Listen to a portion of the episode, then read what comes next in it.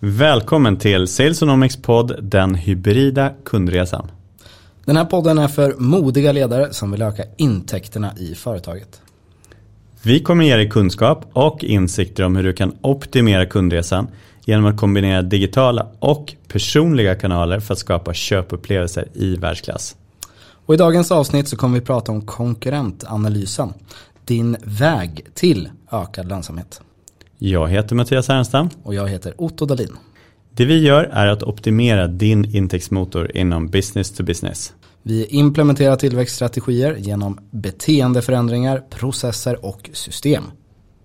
Så låt oss börja konkurrentanalysen. Din väg till ökad lönsamhet. Hur då? Varför, varför ska jag behöva titta på någon? Vi är ju bäst och vi är ju svingrymma på vad vi håller på med. Så varför skulle jag behöva titta på någon annan? Och det är ju spännande utifrån eh, vår, vårt tidigare avsnitt där vi också var inne på att prata lite om att vi idag behöver sticka ut. Eh, vi behöver skapa köpupplevelser i världsklass. Eh, så handlar det om att vi behöver på riktigt börja förstå vad är det faktiskt som våra konkurrenter gör där ute. Eller som jag mycket hellre kallar det för branschkollegor. Det känns så, så mycket finare. Men, men där är också första steget som man behöver tänka till kring. Just det här med konkurrent eller branschkollegor.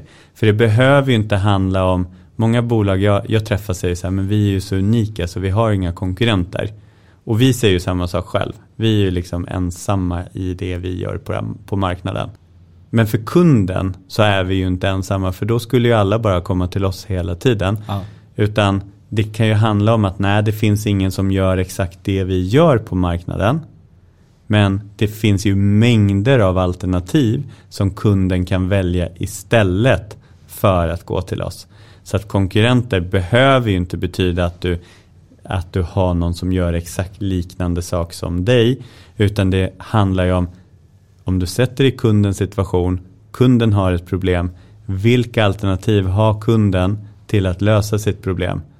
De andra alternativen den eventuellt kan snegla på det är ju faktiskt dina konkurrenter. Precis. Och här har man ju sett utifrån då att sticka ut att 41% av marknadsförare inom business to business känner, sig in, känner inte att de har liksom självförtroendet i att förstå deras konkurrenters styrkor och svagheter. Vilket gör att vi vet kanske inte riktigt vilket budskap vi ens behöver ha för att sticka ut på riktigt. Precis. Men man har ju också sett det här med att eh, förstå, man kallar det för eh, competitive intelligence eh, i USA så fint.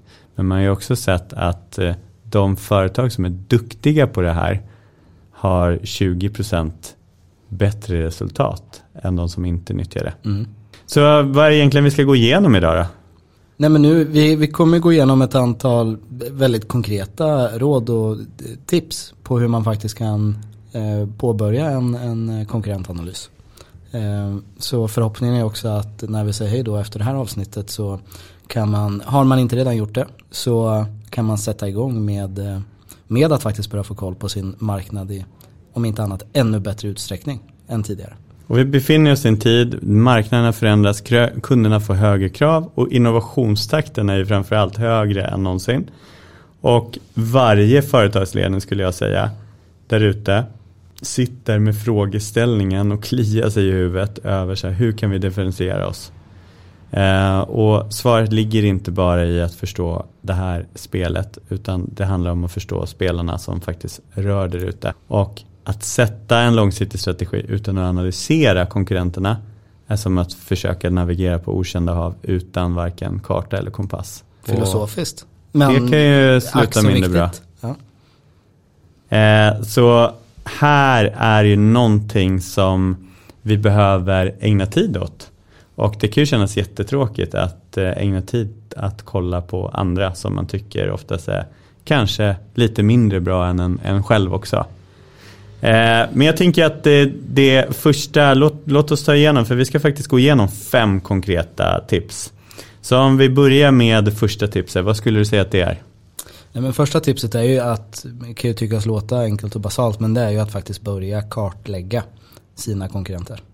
Och hur 17 gör man en sån kartläggning? Ja, men det enklaste är ju att, att faktiskt börja utifrån de, de säljarna man har eller de som sitter ute och träffar kund eller prospekt mycket. Att faktiskt börja vara lyhörd inför när kunden pratar om kollegor i branschen. Vilka är det, vilka kollegor man pratar om då? Eh, jag tror och egentligen på alla mina arbetsplatser oavsett vad det har handlat om att man har sålt så till syvende och sist så är det inte enormt många eh, kollegor i branschen som man ställs emot. Även om det är en marknad med många aktörer. Så utifrån filosofi, uttryck, budskap så kommer det med största sannolikhet inte vara hela din tänkbara eh, konkurrens som du står emot i dina kunddialoger. Utan det är antagligen ett, ett färre antal. Och det om något sätter ju liksom fingret på vikten av att förstå vilka är de här spelarna? Hur ser deras erbjudande ut?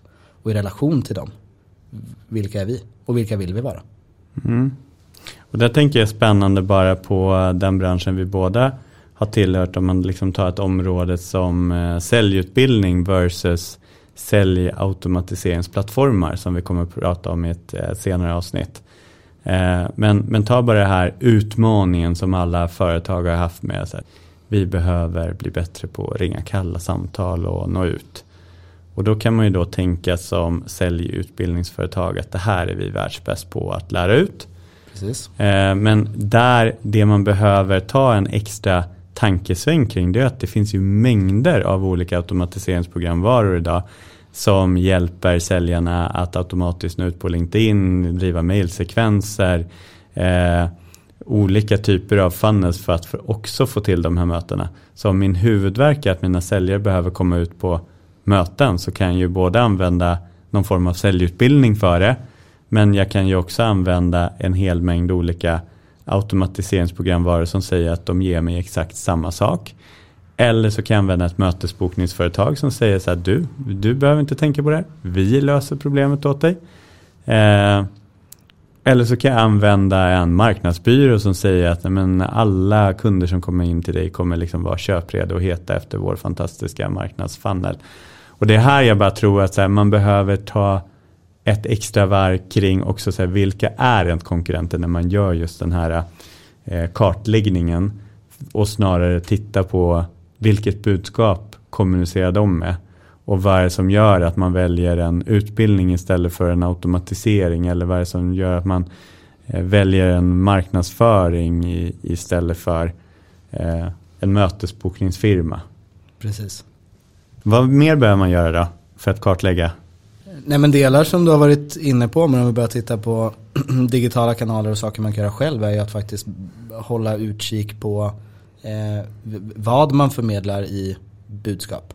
Eh, och det här blir ju en, en fråga utifrån två perspektiv och för att knyta ihop det till vad vi har pratat om tidigare utifrån en kundupplevelse så handlar det ju dels om perspektivet att vilken position vill vi och borde vi ha utifrån vad våra eh, kunder vill se, känna när man köper våra typer av tjänstevaror, produkter. Kontra vad är det för typ av attribut, känslor vi vill bli förknippade med. Och båda de här behöver ju stå i någon form av liksom då symbios när vi målar kartan kring vart står vi i relation till våra kollegor i branschen. Mm.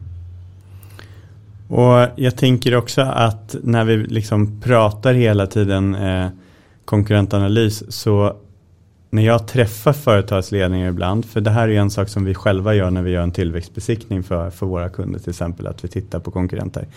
Då är det ju många som kommer med invändningar så här, men konkurrentanalys det gör vi redan. Och så frågar man, okej okay, på vilket sätt? Då är det oftast en väldigt finansiell analys, alltså man tittar på vilka växer snabbast, vilka har störst lönsamhet. Vissa branscher kan de ju se lite hur stor marknadsandel de har och liknande.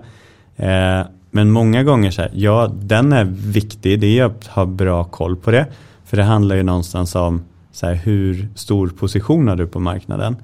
Men det vi pratar om är ju verkligen det, det du nämner, att titta snarare på vilka budskap riktar man, hur positionerar man sig och mot vilka. Ja och i, i det, den finansiella datan som man då tittar på i en konkurrentanalys, den säger ju ingenting om eh, hur eller på vilket sätt man levererar i sin tur ett ett värde. Nej. För det är i allra högsta grad någonting som är, är intressant utifrån att just differentiera sig. Och det här, det, det, första tipset med att kartlägga det kan ju bli hur stort som helst. Och du kan få, som vi har sagt, det, det kan ju handla om de som är direkta konkurrenter men också de som blir indirekta konkurrenter som egentligen säger att de löser samma problem som dig fast de löser det på ett helt annat sätt. Eh, och det för ju oss in på nästa tips som handlar om att verkligen avgränsa analysen. Så när vi har gjort kartläggningen att faktiskt avgränsa. Så hur gör man den här avgränsningen då skulle du säga? Nej men här, delar av sanningen finns ju i det jag var inne på eh, tidigare. Att när vi väl sitter ute hos kunder, vi lyssnar in vad är det för, eh, för kollegor i branschen som vår kund pratar om. Där tror jag att vi har en, en viktig första avgränsning. Eh, att det finns fler spelare där ute, ja men det tror jag vi vet med oss. Men de, de som vi hör kunden prata om, de vi ofta ställs emot, ja men det är de som till syvende och sist blir intressanta för oss. Givet att det är rätt typ av kund, eller att det är den kunden vi vill åt såklart. Eh, där skulle jag säga finns första viktiga avgränsningen. Mm. Men jag tänker också i den här avgränsningen att det är viktigt att vi eh, går tillbaka till syftet hela tiden också med konkurrentanalysen. Vad är det egentligen som vi vill få svar på? Det kanske är så att vi är på väg att lansera en ny typ av produkt och då vill vi kanske förstå hur ser produkterna ut hos, hos våra konkurrenter? Vad lyfter man fram för USPar mer om? Vad är det för tekniska specifikationer man pratar om? Eller vad är det för problem man pratar om att man löser? Eh, det kan ju också vara sådana enkel sak som vi själva har hållit på en hel del med. Och det är ju bara utifrån färg, alltså färger i en grafisk profil. Att någonstans förstå så här, vad är det för färger vi vill använda eh, för att verkligen symbolisera oss. Men också vad är det för färger våra eh, kollegor i branschen använder för att också förstå hur vi kan sticka ut. Eh, sen har vi ju själva sett ibland att det, det är en utmaning för när man sticker ut så kan det finnas eh, personer som tycker att det är häftigt. Och vi att, testar samma sak. Man testar samma sak. Så det här är ju någonstans också en uppdatering man behöver fortsätta göra om man vill fortsätta sticka ut. För gör du saker bra så kommer andra titta på det och andra kommer följa efter och till slut ser alla likadana ut igen. Och då handlar det om att hela tiden vara den som också innoverar. Men jag skulle säga att definiera vad är det för frågeställningar som du egentligen brottas med där det kan vara viktigt att få in konkurrentperspektivet som en del. Bara att förstå hur sticker du ut i den här produkten, den här frågan, den här positioneringen eller vad det än är. Mm. Eh, men det för ju oss vidare också in på tips tre. Precis. Att samla information. Så vad ska jag samla för information? Vart börjar jag? Vad är det för saker jag ska titta på? Nej men självklart, för att återvända lite till, till där du så fint avrundar med, beror ju på så här, vad är det för frågor som vi faktiskt avgränsar analysen med. Där har vi delar utav, utav svaren. Men själva källorna, det är ganska brett. Det kan vara allt ifrån vi pratade lite finansiell data tidigare och det är ju inte på något sätt eh, så oviktigt. Men vi kan årsredovisningar, det kan handla om eh, olika typer av pressmeddelanden, artiklar, nyhetsbrev. Eh, det handlar om att ha koll på hur ja, men, jobbannonser. Eh, så här, hur formulerar man eh, sig själv, sitt erbjudande, sin eh, kultur. Alla de här delarna skapar ju en, en helhet som vi vill förstå. Och självklart, det är bara att ta som ett sånt här format. Vi sitter i en podd nu. Och det är nog många där ute som har kollegor i branschen som driver eller är med i poddar. Det här är ju ett, eh, ett lysande exempel på att också förstå hur tänker och resonerar våra kollegor i branschen. Och jag tänker också det, det du nämnde med årsredovisningar. För någonting som jag tror många är duktiga på när man tittar på årsredovisning det är att man tittar liksom på de konkreta siffrorna. Men eh, ett bolag som har en väl utvecklad årsredovisning kommer ju både avslöja en del av liksom sina framtida strategier. För det man alltid vill dels motivera ju varför siffrorna som ser ut som de gör nu. Men också så här, vad man kan förvänta sig framåt av siffrorna. Så ofta så får man en fingervisning där. Vart är våra konkurrenter också på väg? Vilken riktning är de har tagit ut? Vilka fokus har de? Vart är tillväxt ska ske ifrån? Så en del av deras strategier som de kanske ibland tänker är lite hemliga. De, de finns ju Det är ju faktiskt väldigt där. tillgängliga ofta. Ja. Eh, Men sen tänker jag också, idag så har vi ju LinkedIn är ju klockrent att faktiskt bara följa eh, kollegor i branschen. Eh, att se vad de gör, hur de kommunicerar. För där får vi både oftast företagets uttryck men också individerna i företagets uttryck. Vi får reda på lite deras åsikter, deras tankar, vart de står, hur de resonerar i olika frågor. Och sen så tänker jag bara det här med, med att faktiskt kolla på Dels är det ju perfekt nu, det, det verkar ju vara lite mässhysteri igen. Att mm någon, någon slags sån av, jag tycker alla är iväg på mässor hela tiden men det verkar vara någon avsaknad kanske efter pandemin. Men det är ju ett perfekt sätt att göra liksom en konkurrensskanning av hundratals bolag på inom loppet av bara någon timme för att bara se så här, hur uttrycker de sig, hur beter de sig, eh, vad är det de trycker på, vad är det de lyfter fram. Eh, till att man faktiskt ser liksom energinivån i deras monter och liknande. Har man tänkt till på innehållet i montern? Är det, är det en roll-up eller har man lagt eh, fullt krut på utseendet? Och, ja. Och står man och är mer intresserad av att prata med sina kollegor i montern eller är man faktiskt aktiv och, och söker upp personer också. Eh, men sen tänker jag en sak som eh, man kanske inte alltid tänker på det är ju att idag så recenseras ju vi som företag på olika sätt. Det kan ju vara individer i företaget som recenseras på LinkedIn. Vi har ju eh, på Google. Eh, det finns ju också om man tänker hela besöksnäringen får ju sina recensioner på Tripadvisor. Och det finns mängder av liksom andra eh, verktyg. Vi har ju alla eh, mjukvaror som liksom betygsätts på en sajt där det är viktigt att få sin ranking. Och jag tänker här också om man går in och läser lite av dem så får man också en känsla av positionering, budskap utifrån kundperspektivet. Vad är det deras kunder faktiskt säger om dem? Vad är det de uppskattar? Eh, Så där tänker jag är en jätteviktig källa att, att kolla upp. Definitivt. Men om vi fortsätter vidare då med vårt eh, fjärde tips. Ja men och då är det ju att, att faktiskt gå in och eh, ja, men vi kallar det nyttiga välkända modeller för att faktiskt sätta ett ramverk på hur ska vi gå tillväga när vi tittar på våra, på våra styrkor, svagheter, utvecklingsområden. Och vad är den, vad är den välkändaste av de välkända modellerna? Nej men den välkändaste av de mest välkändaste, det måste väl vara SWOT-analysen. Den klassiska SWOT-analysen. Och den, den går ju att använda i så många perspektiv har jag tänkt. Eh, men det är verkligen sen en, en SWOT-analys. Eh, att faktiskt förstå ens egna liksom, styrkor, förstå ens svagheter. Men också att tänka utifrån så här, vilka potentiella hot står man Eh, inför där ute. Och framförallt när man ser att här, våran värld förändras väldigt snabbt. Vi har, vi har både haft pandemier, vi har både haft ett och två krig som har brutit ut och det kommer ske massor av förändringar framåt också. Eh, och där tror jag att när du lyssnar på den här podden, det kanske har skett någonting världsrevolutionerande i, igen också. Och vi måste någonstans vara medvetna om vad är det för saker som kan göra att världen faktiskt förändras i form av hot. Men också vilka enorma möjligheter som det kan ge. Nu låter det ju jättehårt att säga det, men om det är någonting som, som har hänt nu när det har varit mycket krig, det är ju att också eh, vissa länder rustar upp.